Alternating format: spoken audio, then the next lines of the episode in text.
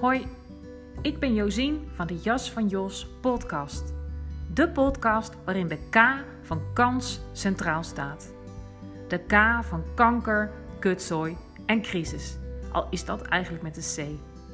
Van K naar bewust, belichaamd en innerlijk vrij leven. Het leven komt regelmatig met gedoe en gekloot. Dat is nou eenmaal hoe het gaat. Daarin de kans leren zien en vooral voelen is jouw pad van zelfbevrijding en levenskunst via embodiment, persoonlijke ontwikkeling en spirituele groei. De rode draad in deze podcast is de kans in de K van mijn eigen leven en het leven van de mensen die mijn pad kruisen, zowel professioneel als privé en spiritueel. Ik deel inzicht, inspiratie, meditatie en praktische oefeningen voor kansrijk en authentiek leven vanuit rust, belichaamd en bewustzijn. Verlang jij ernaar om je krappe jas uit te doen en jouw kans met beide handen aan te pakken? Luister dan. En dan wens ik je heel veel luisterplezier. Je jas mag uit. Groei naar wie je bent.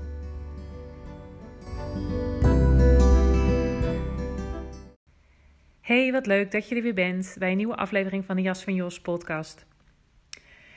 Dit is zoals veel vaker een aflevering die geïnspireerd is ehm, op werk dat ik met een cliënt deed. En um, ja, ik ben dus geïnspireerd voor, deze, uh, voor het opnemen van deze aflevering door, ja, door uh, sessies met een specifieke cliënt die heel erg uh, over een bepaald onderwerp gaan. En het leek mij heel zinvol um, om daar ook in de podcast wat over te delen, omdat ik me zo kan voorstellen dat het jou wellicht, uh, een, uh, hoe zeg je dat? Dat het jou wellicht wat inzicht geeft um, en dat je het misschien ook herkent. In ieder geval is het heel erg belangrijk als het gaat om zelfbevrijding en meer jezelf worden. Waar heb ik het dan over? Zul je waarschijnlijk denken. Um, ja, ik wil het met je hebben over wat we in de zijsoriëntatie het strategisch zelf, het teruggetrokken zelf en het authentieke zelf uh, noemen. Um, en hoe dat werkt in jou. Um, en hoe dat zeg maar in werking gaat op het moment dat je uh, in relatie bent met andere mensen. Laat ik dan om te beginnen even kort uh, vertellen ja, wat het eigenlijk is. Want als ik het heb over um, het strategische zelf, dan is dat eigenlijk de extraverte versie van jezelf. Um, en, dan daarmee bedoel ik zeg maar uh, dat gedrag wat je, ja, wat je laat zien, um, waarvan je weet dat het welkom is in de wereld of uh, succesvol. Um, en dat is eigenlijk altijd in je jeugd ontstaan. Laat ik daar een voorbeeld van geven. Um, misschien ken jij, ken jij ze ook. Misschien ben je zelf ook zo iemand. Uh, een standaard lach of een standaard glimlach of een standaard lachje uh, naar iedere zin. Of dat nou passend is of niet. Um, even kijken. Wat kan ik nog meer? Uh, misschien als je de boeken van Jan Geurts hebt gelezen, volgens mij noemt hij dat ook. De kleine zelfstandige. De ik kan alles aan, ik kan alles zelf. Um, of bijvoorbeeld het helpersyndroom, dat je eigenlijk altijd uh, klaar staat voor een ander en geneigd bent om aan jezelf voorbij te gaan. Dat zijn vaak allemaal uh, ja, vormen die, die je als het ware kunt aannemen, waarvan je weet dat het welkom is.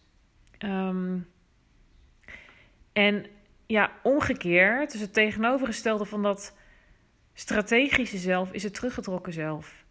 En ja, dan, dan heb ik het over de meer introverte versie van jezelf. En die is eigenlijk altijd gebaseerd op gedrag en uh, expressie. En het gaat ook over emoties. Um, dat wat eigenlijk niet zo welkom was. Als ik voor mezelf uh, spreek, uh, ik was een kind dat echt wel op de barricade kon gaan en behoorlijk wat boosheid, zeg maar, kon voelen en tonen. als je bijvoorbeeld als kind leert dat, je, ja, dat het niet de bedoeling is dat je boosheid laat zien, dat je erop afgewezen wordt, dat je misschien wel naar je kamer gestuurd wordt. Um, of bijvoorbeeld als je als kind heel nieuwsgierig was en je, zeg maar, hè, dat, dat ken je ook. Het hoort ook een beetje bij, bij bepaalde le uh, uh, leeftijd dat kinderen elke keer waarom, waarom, waarom vragen. Maar ja, er zijn ook kinderen die een soort natuurlijke nieuwsgierigheid en die alles willen weten. En wat misschien uh, door je ouders als lastig of irritant is ervaren.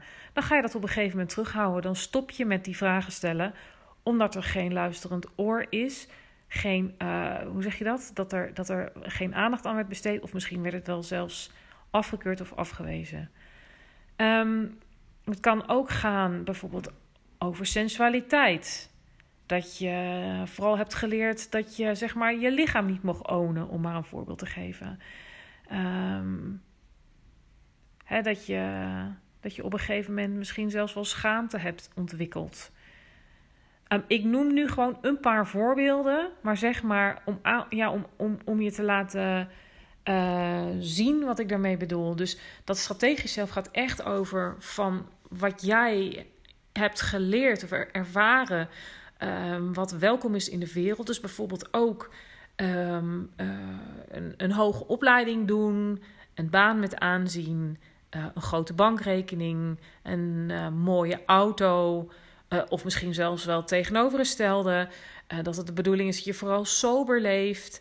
En het is heel erg gekoppeld aan zeg maar, waar je vandaan komt. Dus, dus wat je geleerd hebt van je ouders en opvoeders. Wat er in je familie zeg maar, gangbaar was.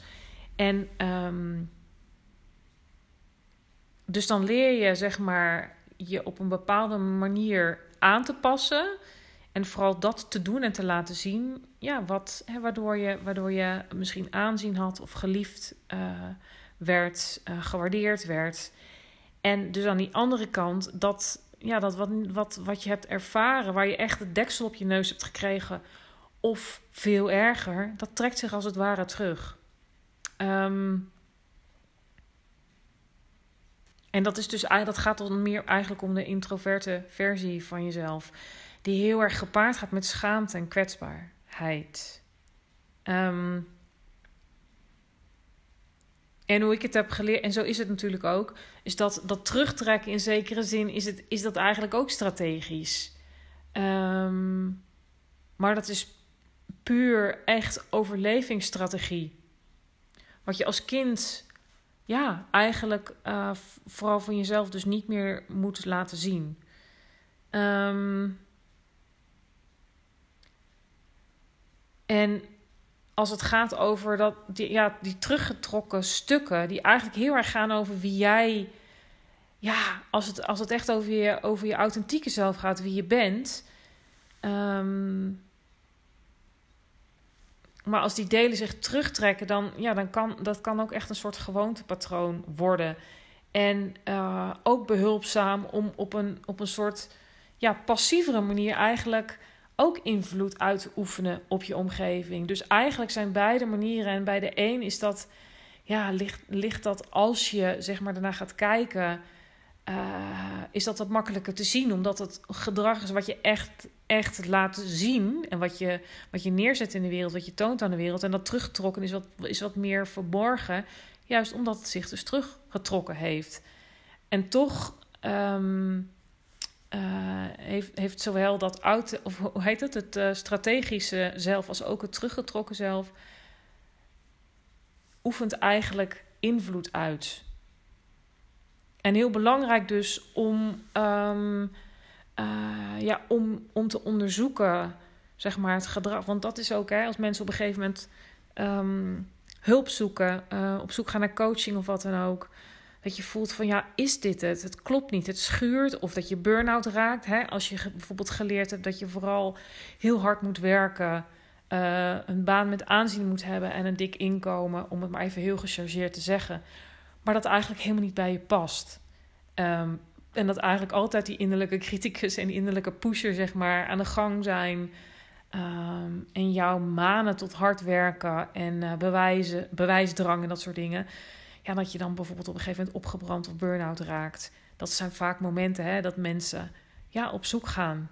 Um, omdat je eigenlijk niet meer anders kunt. Maar zover hoeft het dus niet te komen. En het is dus heel erg zinvol om, uh, om het überhaupt, als je voelt, en vaak uit dat zich dus, dat, dat zich dus in uh, lichamelijke en psychische klachten. Um, wat, wat sowieso altijd hè, via het lichaam, altijd zo kun je, ja, kun je daar zoveel opsporen als het ware. Um, maar heel erg belangrijk om daarnaar te kijken van, van hoe. En dat, dat, dat gaat ook heel erg over, over zelfleiderschap, over um, jezelf de vraag stellen: leef ik het leven dat klopt voor mij? Leef ik het leven dat ik wil leven? Leef ik het leven waar ik plezier en energie uit haal, waarin ik tot mijn recht kom? En dan speelt dit stuk van dat strategische zelf en het teruggetrokken zelf een hele belangrijke rol. En om dan te gaan onderzoeken van, oh ja, wanneer, wanneer laat ik eigenlijk meer een strategisch zelf zien? Of wanneer vertoon ik strategisch gedrag? En wanneer ben ik eigenlijk ja, bepaald door dat teruggetrokken zelf? En dat is in eerste instantie buiten je bewustzijn en daarom zo belangrijk om hier naar te kijken. Want zonder dat je het door hebt, speelt het een veel grotere rol ja, dan, dan, je, dan, je, dan je denkt of waar, waar je weet van hebt. Dus heel erg belangrijk. En nou, om het dan nog kort over die authentieke versie te hebben. Dat wordt dan wel de vrije versie van jezelf genoemd. Die echt is afgestemd op zichzelf ehm, en afgestemd op de buitenwereld. En dan heeft het terug te maken dat het dus bijdraagt aan de situatie wat optimaal is voor jou, wat optimaal is voor, voor de relatie. En dat kan zowel over privérelaties, ouder-kindrelatie, partnerrelatie, maar ook werkrelatie. Maar niet bepaald wordt door emoties of emotioneel uh, voordeel. Dus als het ware vrij. En um, ja, dus het is heel interessant om daarnaar te kijken. Uh, in hoeverre dat aan de gang is. En dat kan ook van, van de situatie afhangen. Um, of er uh, een trigger in het spel is. Of er iemand um, in het spel is die je triggert, als het ware. En ja, mensen verschillen dus uh, in de mate van dat, dat ze vooral een strategisch zelf laten zien. Of meer bepaald worden door teruggetrokken zelf. Of ja, dat je eigenlijk vooral uh, authentiek gedrag laat zien, als het ware. Um, en ja, misschien heb je, herken je dat ook, dat, dat, je, dat, dat is ook op een gegeven moment hoe, hoe dat dan uh, in de loop van je leven gaat. Dat er ook een bepaald standaard gedrag komt. En, en, en hoe dat gaat, is dat, dat het bepaald wordt door overtuigingen die je hebt, vooroordelen, standaard ideeën. Dus ja, enorm zinvol om, om dat bloot te leggen. En ook um, om te onderzoeken, zeg maar, uh, ja, naar ja, welke ideeën, zeg maar, belangrijk zijn.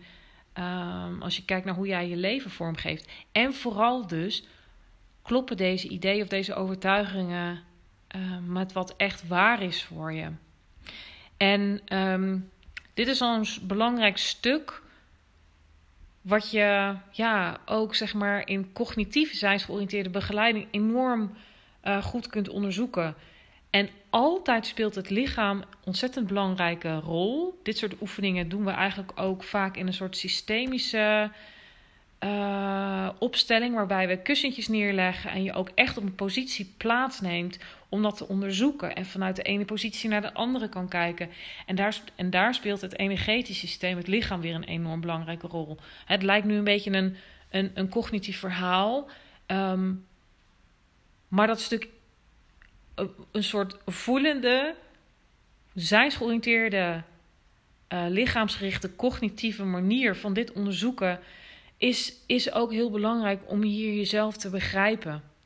Uh, om ook te begrijpen waarom je bepaald gedrag vertoont. Want dat er heel vaak aan de hand is, is dat er sprake is van zelfafwijzing, hè, van perfectionisme, van, uh, van die innerlijke criticus die een, rol speelt. Of die ook als je hiernaar gaat kijken, daar weer uh, een mening over heeft, als het ware.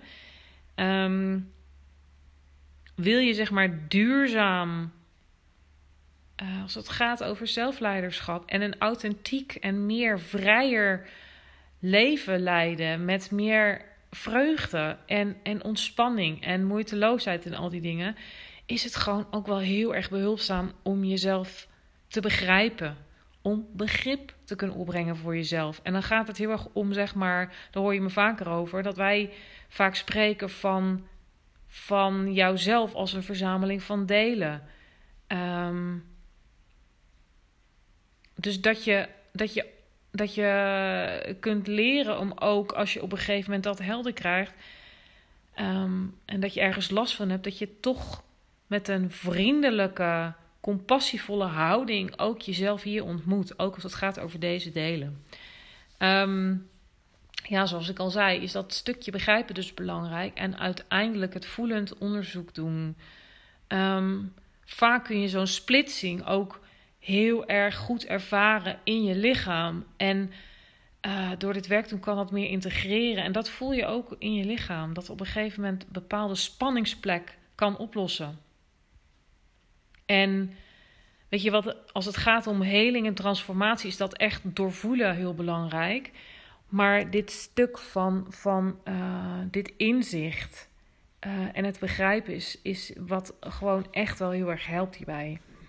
Um, ja, dus ik ben heel erg benieuwd hoe dit verhaal voor jou is. En misschien herken je het ook. Hè? Als, kijken of ik misschien nog een aantal uh, voorbeelden kan noemen van, van dat, hoe, je, hoe een strategisch zelf eigenlijk op de voorgrond kan staan.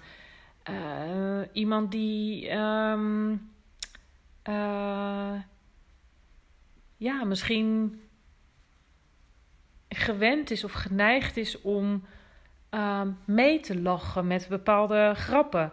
Uh, misschien ook wel bepaalde, weet je, nou, ik noem een voorbeeld uh, over uh, vrouwonvriendelijke grappen, ik noem maar wat. Terwijl je diep van binnen voelt van ik vind het eigenlijk helemaal niet, ik vind het eigenlijk helemaal niet leuk. Ik wil dit eigenlijk helemaal niet doen. Dat je op een gegeven moment daar je van bewust kan worden van dat wat ik doe, wat brengt me dat eigenlijk? Um, ja, wat ik al zei, van, van het harde werken of uh, zeg maar het, uh, het, het uh, Jezus-complex of het helpersyndroom. Um, zonder te gechargeerd te doen, maar heel veel mensen die, die in de zorg werken, die zullen dit misschien herkennen. Dat je eigenlijk vooral aan het zorgen bent. Waar natuurlijk op zich helemaal niets mis mee is. Tenzij het ten koste gaat van jou. Dus heel erg belangrijk ook om je, ja, om je drijfveren, om, je, ja, om, dat, om, dat, om dat te onderzoeken. Um, en misschien als je terugkijkt in jouw verleden. Um, als je eens nagaat om bijvoorbeeld bepaalde emoties er eigenlijk helemaal niet welkom waren. Uh, die, die je eigenlijk geleerd hebt om, om in te slikken of te onderdrukken. Um, dat kan je vaak al heel veel vertellen uh, als het gaat over dat teruggetrokken zelf, over die teruggetrokken delen, over meer dat introverte in jezelf. Um, in ieder geval is het gewoon een enorm boeiend onderzoek. Um, ik kan je zeggen dat het, dat het mij ontzettend veel helderheid heeft gegeven, zodat ik mezelf beter kon begrijpen, wat vervolgens weer helpt als het echt over, ja, over het verwerken, over het hele, over het transformeren gaat, om, om dat zeg maar uh, te kunnen doen. Helpt het gewoon om jezelf te kunnen begrijpen, om met een liefdevolle, vriendelijke, compassievolle houding met jezelf en met je innerlijke delen, die het moeilijk hebben of die jij als hoofdpersoon zeg maar moeilijk vindt, om daarmee om te gaan. Um, om jezelf te bevrijden van, van dat wat je niet meer dient. is dit, ja, is dat, is jezelf begrijpen gewoon wel, wel echt heel handig. Nou, ik hoop in ieder geval dat dit verhaal jou um, wat inzicht geeft, je een beetje helpt. Als je er vragen over hebt, dan hoor ik dat uiteraard graag. Als je, zo, als je het misschien, en dat zou zomaar kunnen, het heel erg herkent en denkt van, ah ja, ja, dit is, ik weet zeker dat dit bij mij aan de hand is en ik voel zo dat het niet, dat, dat, dat het niet meer klopt voor me. Nou, dan weet je uh, dat je welkom bent. Um, ja, nogmaals, laat vooral horen als het een, uh, een, zinnig, uh, een zinnige aflevering voor je is. Want dan vind ik dat heel leuk om te horen. Um, ik maak deze podcast met heel veel plezier en heel veel liefde. En het hoort ook bij mijn proces als het gaat over een authentieker mens worden. Um, dus ik deel met liefde al die gratis waarden. Ik vind het dan wel echt ontzettend leuk om van jou te horen. Hè? Misschien naar aanleiding van deze aflevering, misschien ook naar aanleiding van andere. En um, ja, of je uh, uh, ja, deel en tag vooral um, deze of andere afleveringen. En ik zou het ontzettend op prijs stellen als je misschien een mooie sterrenrating wil geven op Apple of Spotify. En wat op Apple nog kan, is een korte review schrijven. Help je mij enorm mee en een andere potentiële luisteraar voor wie dit behulpzaam is. Dan bedank ik jou weer voor het luisteren tot het eind. En als je een rating uh, wil achterlaten en die andere vragen die ik je stelde, ben ik je super dankbaar. Nou, ik sluit hem af en ik spreek je bij de volgende. Doei doei!